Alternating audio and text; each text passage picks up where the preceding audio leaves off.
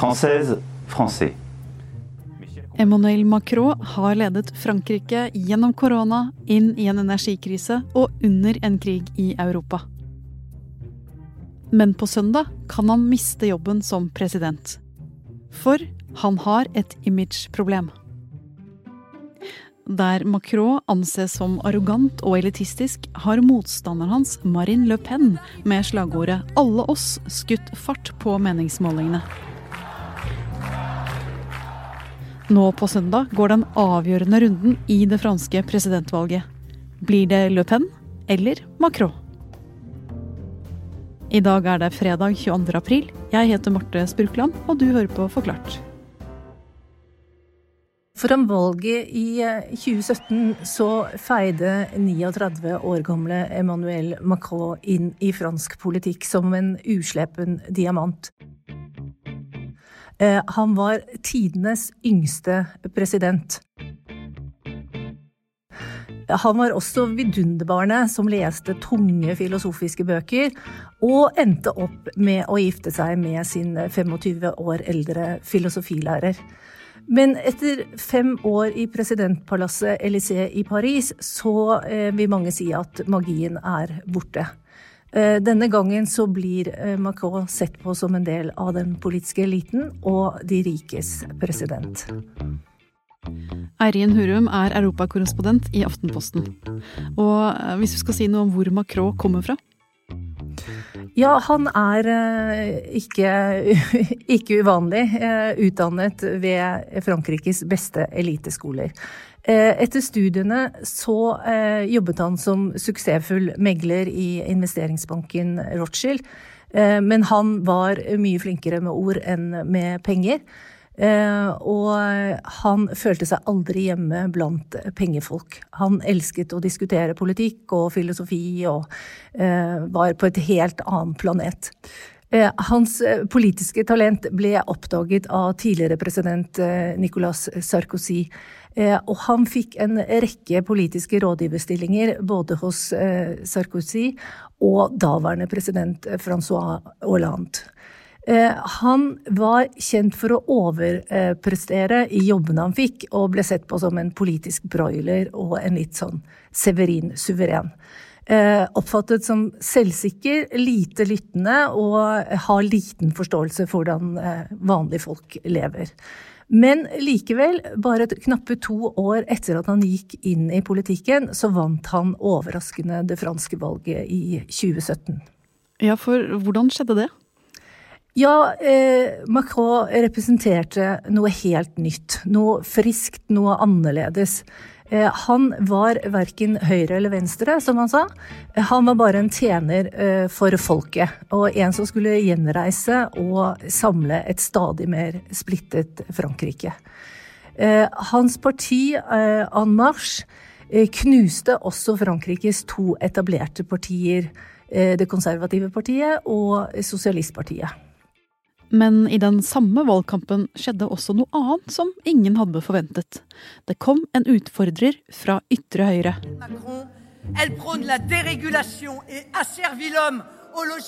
Marion Anne Perrin, som gjerne trekkes sammen til Marine Le Pen. Hun profilerte seg som en slags fransk Donald Trump, skulle representere den franske arbeiderklassen og var sterkt imot innvandring og ville forby muslimske kvinner å gå med sjal i offentligheten.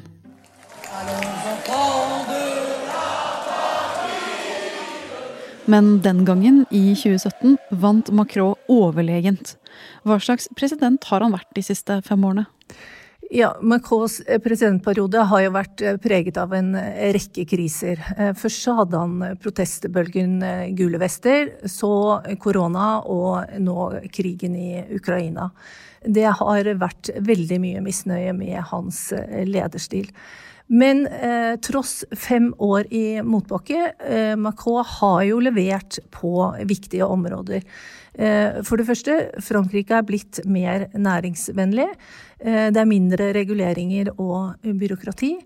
For det andre, arbeidsledigheten er den laveste på et tiår, og er nå på 7% Ungdomsledigheten er enda lavere, og det har aldri vært så mange lærlingplasser som i dag.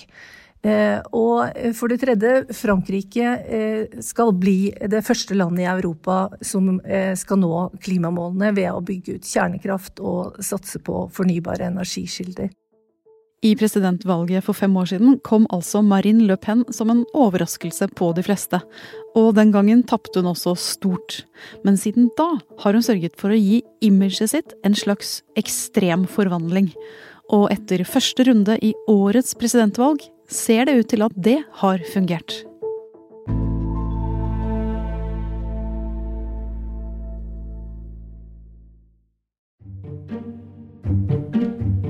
Marine Le Pen har på mange måter arvet partiet hun leder, fra faren sin.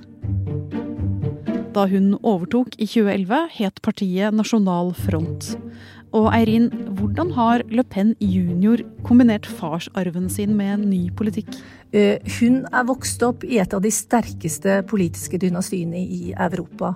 Eh, med to eldre søstre og en mor som forlot eh, familien da hun var ti år. Og faren var jo mer partieier enn en kjærlig farsfigur.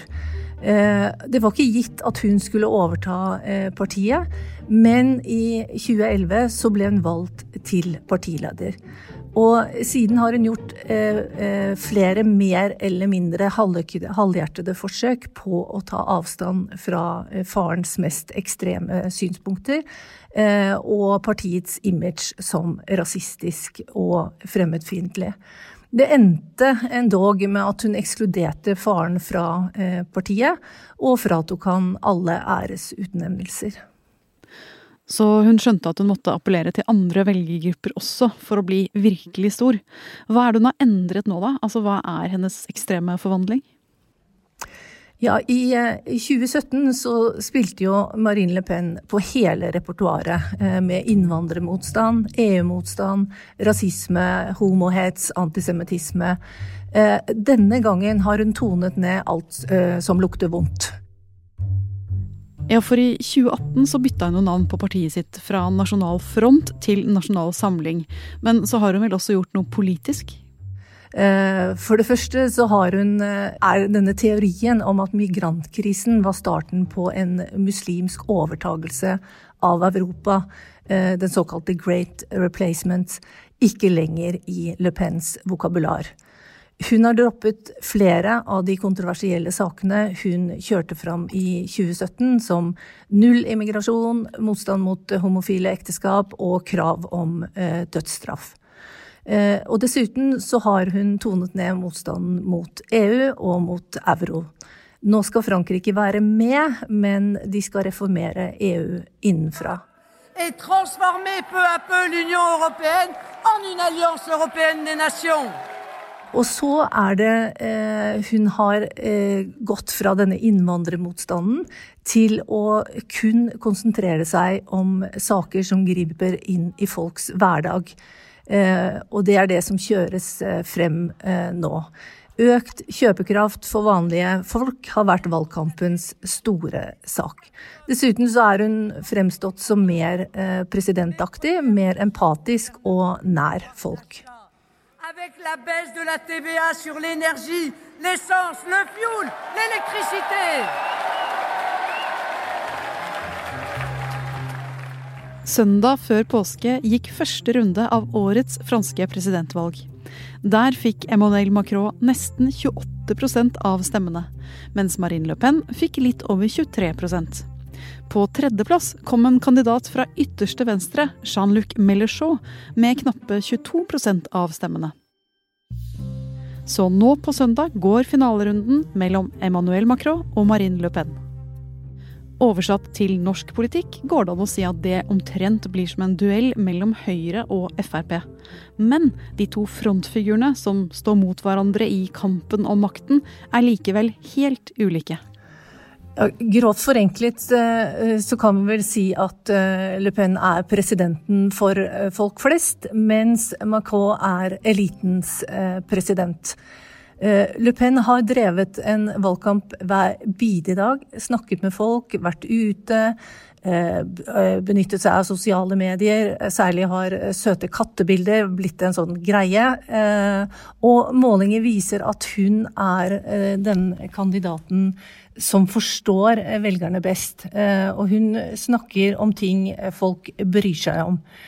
Macron derimot har nesten ikke drevet eh, valgkamp.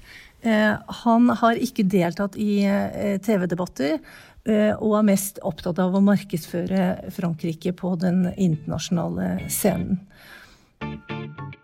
I 2017 var det nettopp en TV-debatt som ble spikeren i kista for Marine Le Pens presidentdrømmer. Da hun møtte Macron til den siste og avgjørende debatten den gangen, ble opptredenen hennes beskrevet som verbalt voldelig. Måten hun angrep Macron på, ble sett på som støtende og usjarmerende. Derfor var det spent stemning før årets store TV-debatt mellom de to kandidatene, som ble sendt onsdag kveld. Mais vous avez le temps industriel, Madame Le Pen, ne oui, vous en déplaise. Donc vous, vous ne pourrez pas produire. Vous savez, moi je ne suis pas comme vous. Her var det litt kjekling, ja. Mest opphetet ble debatten da Macron påsto at Le Pen nærmest er i lomma på Putin pga. et banklån på 9 millioner euro som Le Pens parti mottok i 2014, som via omveier kan knyttes til den russiske regjeringen. Et que je défends parce que je suis une patriote et que je l'ai démontré toute ma vie. La France et les Français. Toujours. Likevel var denne debatten langt roligere enn den for fem år siden, og franske politiske kommentatorer mener at eh, den ikke kommer til å dytte så mange velgere ut av sofaen, eller bort fra det partiet de holdt med før debatten. Og nå er det altså Macron som ligger best an på meningsmålingene. Men cup er cup, og presidentvalg er presidentvalg. Om eh, Macron blir gjenvalgt, så er det første gangen eh, på 20 år at en sittende president blir gjenvalgt. Så det sier jo litt om hvor vanskelig og spennende dette blir. Eh, dessuten eh, så har eh, Le Pen og Macron to for, eh, vidt forskjellige syn på hvor Frankrike skal gå. Macron er en internasjonalist eh, for EU og for eh, Nato. Le Pen er en nasjonalist og vil ha minst mulig overnasjonalt og eh, internasjonalt samarbeid. Hun har dog dempet motstanden mot EU, men vi trekker Frankrike ut av en rekke eh, samarbeidsavtaler og på en rekke samarbeidsområder. Eh, F.eks. EUs klimasatsing Green Deal. Også hun vil ta eh, Frankrike ut av det militære samarbeidet i Nato. Eh, og hun sjokkerte også velgerne denne uken, faktisk, ved å si at eh, når krigen i Ukraina er over, eh, så ønsker hun et tettere samarbeid med Putin og Russland for å demme opp mot Kina. Så Eirin, presidentvalget nå på søndag blir et valg som kan forandre ikke bare Frankrike, men hele Europa? Absolutt. Eh, sammen med Tyskland så har jo Frankrike vært en ledende kraft i EU. Både økonomisk og eh, politisk. Den rollen er ikke forenlig med Le Pens nasjonalisme og isolasjonisme. Eh, hvis eh, Le Pen lover som eh, gjør som hun har lovet. Hvis Le Pen gjør som hun har lovet, så vil det svekke EU og Nato i et kritisk øyeblikk eh, for vestlige demokratier. Og vinner Le Pen, så vil det bli et eh, politisk jordskjelv i Europa.